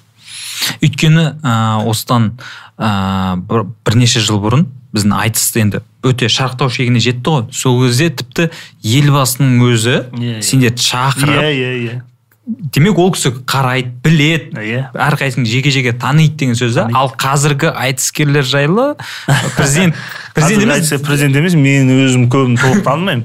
Өйткені жастар өте көп та. Ыыы өнерлерімен мысалы біреу елең еткізіп ыыы айтысып жатса мынау кім екен деп ол туралы бір ізденіс салып сұрастырып. Мысалы оразбек қиынбаев деген ақын бауырымыз бар қазір әннің мәтіндерін жазып жүр ғой. Ыыы сол ы, хабар арнасында айтысып отырған кезде мен танымаймын оны мүлдем. Ыыы айтысы ұнады маған. Қарапайым ауылдың баласы қарапайым ештеңе жасандылық жоқ өте бір жеңіл халыққа түсінікті айтысып отыр. Сосын мен бірден ақтөбеде кімге? Қайнар алагөзовке звондадым да. Қайнар осындай бала шығыпты ақтөбеден. Кім? Берші нөмірін маған. Деп ы, оразбектің нөмірін алып оразбек қиынбаевпен өзім танысып өзім онымен өнерде бір дос болуға жаңағы құмартып дегендей ыыы сөйтіп мысалы тауып алдым да мысалы. Ал қазір ондай бір мына жігіт кім екен деп елеңдейтіндей біздің буынның қатарында ешкім болмай қалды. Өйткені бәріміз инкубатордан шыққан балапан сияқты бір дейміз да бәріміз. Бәріміз бір дейміз. Біреу шықса соның плагиаттары тік тік тік тік көп қой бізде. Соның мақамдары кетеді соның мақамы мақам емес соның сөзіне дейін тікелей стиліне дейін отырыс шапанына дейін бірдей болып кетті ғой. Сол елбасыға барудағы немде қызық болды өзі. Ә, бір айтыс болып сол айтыста жаңағы біраз нәрсені басы көзі жоқ демей айтып жібергенмін ғой. Батырлатып көп алып қойыппын. Иә өзіме көп алғам. Сол айнұр апайымызбен айтыстым сөйтіп жюрилер ыыы мені құлатты. Сонымен залда деген айғай шу дұрыс емес мынау не деген неге құлатасыңдар жандар конгресс іші быт болып отыр сөйтіп ертесі күні ыыы жаңағы сол айтысқа қатысқан лауазымды адамдар шақырды мені. Сен жақсы айттың уайымдама бәрі нормально болады анау мынау деген сияқты. Қорқытқандар да болды. Қай жылғысың сен? осындай жылғымын ой сен байқасайшы бала дегендей. Сөйтіп ііі өте жақсы мәселелер қозғалды. Осы айтыста айтылған мәселелерді бәлкім елбасының алдында айтсаң қалай болады деген ұсыныс келді. Өйткені ыыы ақпарат толық жетпей қалуы мүмкін монтаждың құрбаны болып кетуі мүмкін. Сонымен жақсы дедім мен енді. Айтыстан үзінділерімді айтып берейін айнұр апаймен айтысқанымды жаңағы ауқымды мәселелерді жақсы онда хабар күтіп шығарып салды. Сөйтіп өзім і, студентпін үшінші курспын ба төртінші курспын ба ә, такси ұстап қонаев көшесінен такси ұстап ыыы абылай хан көшесіне кетіп бара жатырмын астанада. Сөйтіп едім қайтадан телефоныма қоңырау түсіп тұр ғой. Артқа қайт бүгін баратын болдық. Жаңағы елбасының қабылдауына дейді. Звонок келіп тұр. қолымда пакет. Сосын енді костюм шалбар бар қолда пакет. Сосын жаңағы таксиге айтамын ғой артқа бұрыл мен президент шақыруда сөйтсем такси бақаға деп күледі да. Не болды құрылыс компаниясының президенті ма? дейді. Е жоқ бұрылшы артқа қарай деп. Сонымен барып сол жерде кездестік. Мен ғана емес біраз өнерпаздар болды. Ана жамбыл деген кішкентай ііі ақын шықты ғой иә. ол бала өзінің өлеңдерін оқыды. Сосын жаңағы елбасымыз мына дәстүрлі оңтүстік қаратаудың термелерін жетісудың батыстың алтайдың термелерін жақсы тыңдайды деп сол өнер мектептерінің өкілдері келіп термелер айтты. Сөйтіп біз айтыс айтылған ыыы кеше осындай айтыс болып осындай осындай үзінділер айттық деген кезде өте ауқымды мәселелер біз жастарды қолдаймыз мына осыны ақындар айтпағанда кімдер айтады деп батасын беріп ризашылығын айтып шығарып салды мысалы елбасы. Сосын құлманбет пен жамбылдың айтысынан мысалы үзінділер сұрап сүйінбай мен қатағанның айтысынан үзінділер сұрап сол жерде шумақ қалай еді деп мысалы енді айтыс тыңдамаса оны, оны бізден сұрамайды да ғой. Сол қазіргі заман мен өткен дәуірдің айтысын салыстырып отырып бір сондай кеш өткізгенбіз. Ана ә, шумақтарыңда қатты кеткен жерлерін де айттың ба ол жерде? Ә, қатты кеткенде ол жерде сол ә, неге құлатқанын білмеймін. Қатты кетті деп ә, қабылдаса керек. Бірақ жаңа машкевичке байланысты мысалы қаншама қазақтың кеніне байланысты ана митталдың несіне байланысты оны енді елбасы бізден жақсы білетін мәселелер ғой. Қазақ қашанғы жаңағы осындай өз елінде екінші сорт болып жүре береді. екінші сорт болып жүре береді деген сияқты мәселелер ол онсыз да жетіп жатқан мәселелер осындай мәселелер айтылды деп өте ауқымды мәселелер шешу керек деген сияқты. Мәселесін айтты енді оны. Одан кейін біз кеткеннен кейін ол туралы тапсырма берілді ма? Бірақ маған қатысты тапсырма берілмеген. Өйткені мен аман сау жүрмін. Жоқ ана үй ондай жерге кіргендер үй көлік сондай болып шығады ғой? А жоқ енді ол мен ол кезде ол енді баламыз ғой енді. Бізге ол кезде үйде керек деп ойлап ойлап та жүрген жоқпыз оны. Ыыы өмір бойы өйстіп жүре береміз пакет ұстап деп ғой. Бірақ әйтеуір ә, сол жердегі кеш өте жақсы бір рухани кеш болды. Менің бір риза болғаным біз ә, көп адамдарды ә, мысалы саяси тұлғаларды мүлдем өнерден мәдениеттен алыс адамдар және ол салаға жаны ашымайтын адамдар деп ойлаймыз ғой. Мысалы бір оқиғаның мен куәгері болдым. Мысалы адамды тікелей оны көрмейінше іс әрекетін білмейінше бір адам туралы пікір айту қиын. Мысалы жаңағы сыр сұхбат деген бағдарлама болғанда ә, бізге тапсырма келді. Телеарнаның да басшылығынан сол жерде жаңа түсірілім алаңында жүрген режиссер бар басқасы бар. Ойбай талғат мұсабаев келеді. Сен ана сценарийін жөндеп жатта. Бір жерде тоқтап қалсаң ол кісі щепетильный даже боқтап жібереді сені. Так что байқа балалар шашымыз тарамаймыз сағыз шайнамаймыз. Осындай мынандай деп. Енді бізді духтан жаман алып қойды енді. Талғат мұсабаев келеді деп кәдімгі өзіміз ғарышкер болып қатып қалдық қой. Сөйтіп талғат ағамыз келді да балалар ән айтыңызшы аға деді. Ән айтты анекдот айтты өй не неғып қатып қаласың сен? Тұрсайшы емін еркін деп. Мүлдем бізді мысалы ойламаған елестетпеген образ пайда болды да. Ал керісінше осыдан мен керемет өтеді. Мына кісі осындай ғой деген адамдар келсең бүйтіп қатайып қалған о осындайды осындай деген сияқты. Сонда адамның тікелей өзімен сұхбаттасып өзімен тілдесіп оның шынайы бейнесін көрмейінше мына әлеуметтік желідегі де эфирдегі бейнесіне мысалы көп илана беруге болмайтынына көзім жетті да мысалы мен жаңағы құлманбет пен жамбылдың айтысын жатқа біледі деген мен мысалы оны ойласам түсіме кірмейді мысалы. Елбасы құлманбет пен жамбылдың айтысын біледі екен сүйінбай мен қатағанның айтысын үзінді айтады екен. Жаңағы жігіттің тақиясы томағасы ер жігіт қайдан ішпес қонағасы деген тұрмағанбеттің жаңағы жыр термелерін біледі екен деген. Білмейміз ғой мысалы үнемі құрметті деген образда ғана көріп қалдық қой біз. Тек қана саяси әңгіме айтады деп. Жоқ жыр де жаттайды екен айтыс сұрайды екен қызығады екен. Осының куәгері болдым мысалы иә енді соның ә, қазіргі айтысты да сол ә, ел басшылары назар аударатындай. Енді ол ол деңгейге жеткізу үшін бірінші жаңағы маркетингті дұрыстау керек. Осындай қазақи шоу ма деген сияқты. Одан кейін де бізде қазір телеарналар барынша айтысты түсірмеуге айтыстан қашуға тырысады ғой. Бәлкім жаңағы мен айтып отқан саласы дамыса телеарналар өздері қызығушылық білдіретін шығар өздері қаражат салатын шығар. Өйткені қазір болмайтын бір жарыста көрсетіп жатқан нелер көп қой енді. Кім бірінші тамақ жасайды кім бірінші самсаны жеп қояды деген сияқты жарыстарды көрсетіп жатқандар айтыстың ондай бір форматы жаңа формат шығып жатса қолдайды деп ойлаймын. Өздері қаражат аударып өздері бір прайм тайм уақыт беріп қызығады деп ойлаймын. Иә ә, билік басы болсын биліктегілер болсын телеарна басшылары болсын айтыскерлеріміз санасатындай yeah, иә, деңгейге жеткізу керек қой. Иә әрине. Так енді қара бүгін сен отызға толып отырсың. Аха. Ә, биыл біздің елге 30 жыл. Мхм. Ә, екеуің жарысып келе жатсыңдар. Сен енді бір ә, жарты жылға алда келе жатсың жас жағынан аха. Енді біз біздің ел. Сенен озып кетті ма? Жас емес жалпы. Енді ә, мемлекетке жалпы сол мемлекетте тұрып жатқан адамдарға қарап баға беріледі ғой. Мемлекетті озып кетіп адамы қалып кеткен мемлекет жоқ. Адамы кедей болып мемлекеті бай болып деген сияқты нәрсе жоқ.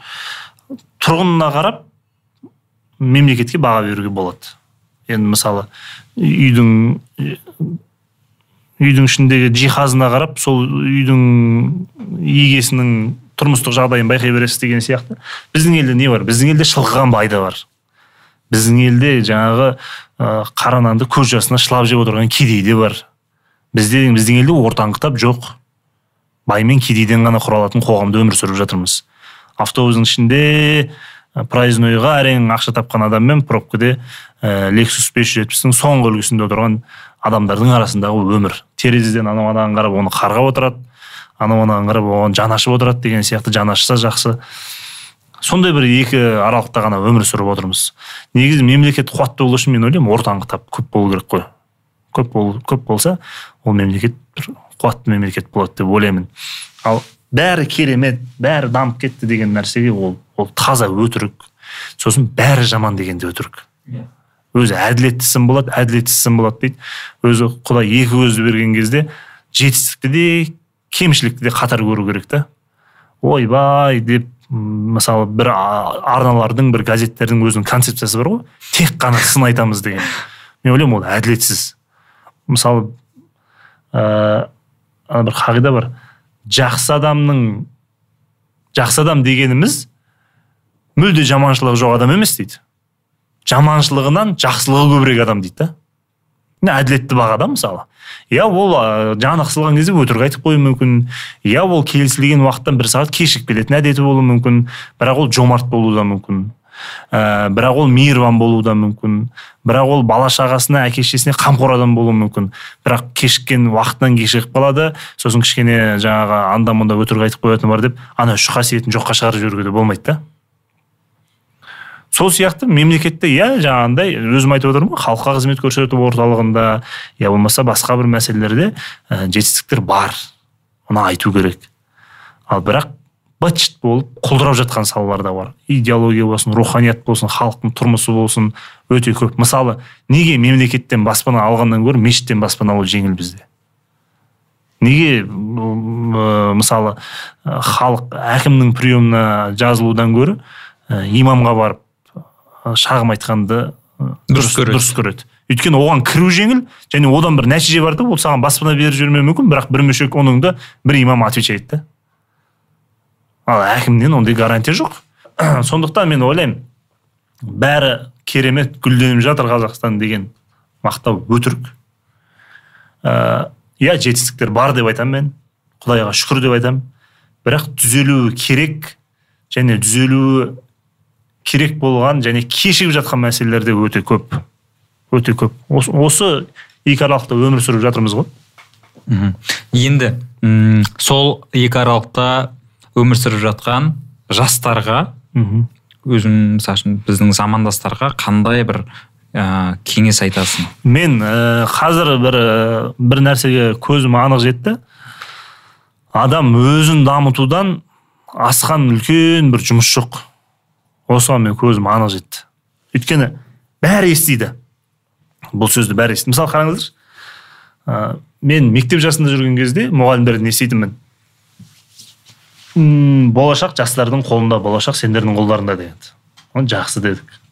Сосын он бірінші классқа келдік. Бастауыштан он бірінші классқа келдік. Е жөндеп оқыңдар биыл мектепті аяқтайсыңдар болашақ сендердің қолдарыңда деді. Жақсы абай деп тырыстық. Сосын университетке келдік. Ол сөзді төрт жыл естідік біз. Болашақ сендердің қолдарыңда айналайындар оқыңдар міне диплом аласыңдар деп. Сөйтіп онымен қоймай мен магистратураға түстім. Сонымен екі жыл естідім оны. Ой болашақ сендердің қолдарыңда кеттіңдер міне кетіп тұрсыңдар деп. Жарайды деймін әлі қараймыз міне қараймыз то болашақ түрі жоқ. Сосын кішігірім жұмыстарға тұрдық қоғамдық жұмыстар болды жас отанда істедік үйттік бүйттік телеарнаға бардық. Сол жерде сіздік ой міне сендер енді болашақ ұрып тұрсыңдар анау мынау. Сөйтіп үйлендік қазір бір қарасам өткенде үшінші класста оқитын қызым бар. Соған үй тапсырмасын жасаған кезде айтып жатамын е мына үй тапсырмасын жөндеп жаса осы бастан қазір тиянақты істеп үйренсең кейін жұмысқа тұрғанда любой жұмысты сен тиянақты істеп үйренесің. Болашақ осы сендер қарап тұр өзім айтып отырмын да. Сонда біздің қолдан болашақ өтіп кетті ма келмей қалды ма қай жақта ол болашақ деймін да. Сол сияқты адам өзін ә, тұрақты мынау дамытумен айналыспаса ол болашақ өмірі келмейді екен да. Өзін дамытумен айналысып қоғамда оған оған миың ашымасын. Ол жаңағы ана жақта не болып жатыр мына жақта не болып жатыр. Әулетіңді дамытшы. Жаңағы қызыңның үй жұмысы тиянақты орындалды ма? Жақсы өзің ағылшын тілінің деңгейің қалай? Бар ма? Жоқ па? Қазір ол қалайсың ба қаламайсың ба үйрену керек болды ағылшын тілін. Мен өнердің адамымын мен ақынмын мен әдебиет мен мен мұқағалимын деген әңгіме қазір ол керек емес. Ата бабаңды біл қара өлеңіңді жатта дәстүріңді дәріпте салтыңды сақта. Бірақ заман сенен сұрап тұр осыны. Мынаны біл сен бір сағатта алға қарай жылжисың деп кепілдігін беріп тұр. Енді осыны меңгеру керек. Сондықтан мен замандастарыма болса да ең әуелі насихатты өзім айтамын өзіңді дамыт өзіңді дамыт өзіңді дамыт. Қалған нәрсеге миды ашытпа өзіңді дамыту деген не ол? Мысалы жалпылама кең ұғымдағы сөз болғанмен жаңа тіл жаңа орта Э, өзің қызығатын бір хобби ә, денсаулық көп қой енді. Ә, сондықтан әлгі мұсылманның бір күні бір күніне ұқсап кетсе ол, ол адам минуста дейді ғой енді. Бір күні бір күн ұқсамасын деген бүгін доширак жедің ба ертең басқа тамақ же деген сөз емес. Бүгін мынаны білдің ба ертең қосымша бір нәрсені біл. Бүгін бір жақсылық жасадың ба ертең оның үстіне арттырып жаса деген сияқты. Күнделікті плюста болып отырмасақ мына уақыт деген бізді кеміре береді ғой. Сондықтан ата аналар болсын замандастар болсын мен ойлаймын қазір өзін дамытып жатқандар ғана уақытты ұтады. Уақыт солар ұтады деп ойлаймын. Иә. Енді мен ә, жиі сұрайтын мен жиі сұрайтын сұрағым бар. Ә, қазір қандай контент көріп жүрсің? Ютубта болсын арнайы платформа, платформалар болсын телеарна болсын. Төртеу түгіл болсаң көріп жүрмін. Неміз бір екен. Иә? Мен де қарап жүрмін. Төртеу түгіл болсаң көріп жүрмін. Ол жерде де жаңағы марғұлан сейсенбай ағаларымыздың жаңағы сұхбаттарын ә, жазып алатын жері болса жазып алып дегендей. Одан кейін ә, криминальный россияны мен өте көп ең көп көрген бағдарламаларым ютубта сол шығар. Криминальный россия неге десеңіздер ә, мына қылмысты ашу процесі өте қызық та. Ол біздегідей емес қой ол. Және ол мына бертіндегі дүниелер емес мына кеңес одағындағы нквд ның кезінде ана жетім балаларды ә, жетімдер үйінен алып подвалда оның туысқаны жоқ. Ол көп көңіл көтере бермейді көп күлмейді. Тұйық келетін балаларды алып кәдімгі бір спецзаданиеға дайындайды ғой. Мысалы жаңа сөз менеджменті дегеннен шығады. Ә, олардың сөйлесуі де бөлек та. Ишарамен түсінісуі. Бір ә, құқық қорғау органының адамын ә, бір қылмыстық топ не заложник қылып алады. Бір істің соңынан түседі аналар біліп қояды да. Кәдімгі қолын қайырып басына мөшек кигізіп алып кетеді. Сөйтеді да екі үш күн қинайды анау енді жанкешті бүкіл сынақтан өтіп келген. Давай командирлерге звонда дейді. Біз туралы делоны жапсын переговорға шық дейді. Жақсы дейді. Екі жігіт қой қолын қайырып ұстап тұрған. Телефонға шығады. Қалай жағдайың жақсы ма? Болды уайымдама сен контрольдасың деп ар жақ мынаны сабырға шақырып жатыр. Иә иә бәрі нормально. Ұрып жатыр теуіп жатыр дейді. Не сұрап жатыр? Ана делоны жапсын деп отыр анау мынау дейді.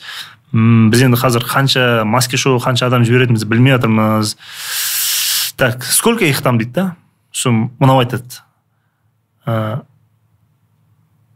Один один дейді. Біреу ғой біреу дейді да? Сөйтсе аналар түсініп тұр их двое дейді да? Өйткені один дегенде екі рет айтты дейді. Сколько их там дейді да? Один один дейді. Анау аналар айтып отыр бізді айтпа қанша екенімізді дейді. Один один дейді. А, екі рет айтты ма? бір дегенде екі рет айтты значит олар екі адам дейді да. Осындай нюанстарға дейін түсіндіруі қылмысты ашуы одан кейін ана кеңес одағында әскери ұшақтарды кәдімгі сатып жіберген мемлекетті сатып кеткен адамдардың ә, неге ол әрекетке барғанын кәдімгі олардың жасөспірім кезінен, кезінен бастап талдайды да. Бізде тау ұрлап кеткен адам қылмыс ашылмайды ғой бізде. Ә, сондықтан ә, ең көп көрген контенттердің арасында осылар бар деп ойлаймын. И одан кейін м спорттық контенттер өте көп. Соңғы мысалы ресей чемпионаты өтті жақында күрестен одан кейін бізде азия чемпионаты өтті. Көп жағдайда осы спорт одан жаңағы қылмыстың ашылу процесі қазақ тілді контенттерден ә, кейде аман тасығанды көріп тұрамын. Ол оның өзі де қонағына байланысты. Ә, ал жаңағы төртеу түгел болса үздіксіз көріп тұратын бағдарламалардың қатарында өйткені өзіммен замандас жастар отыр ә, олар білмейтін нәрсені мен білемін мен білмейтін нәрсені олар біледі ә, қажетті ақпаратымды алып отырамын одан кейін олармен ә, кездесу мүмкіндігі де бар да мысалы кейде бір бағдарламаны жүргізіп отырған адаммен сіз таныс емессіз онымен кездессең де бірден әңгіме өріп кетпейді ал олармен кездесемін. Футбол ойнайсың иә футбол ойнаймыз мысалы. Кеше осыны айттыңыз ғой мысалы. Мен түсінбедім. Қалай? Осыны бір қайтадан айтып жіберіңізші деген сияқты. Мүмкіндіктер бар деген сияқты. Жақсы да сол жағынан. Енді ә, админ анон подкасты сол тізімге кіреді деген үміттемін. бұйырса. Иә каналға жазылып қойыңдар. Ә, бүгін ә, админ анон подкастының қонағы болған жандарбек болғақов. Көп рахмет саған жандарбек. Рахмет өте ә, керемет әңгіме болды жақсы әңгіме еркін болды. сұхбатқа келгеніме мен де қуанып қалдым. Иә. рахмет. Бізде не жоқ шекара жоқ. Осы жақсы ғой. Иә.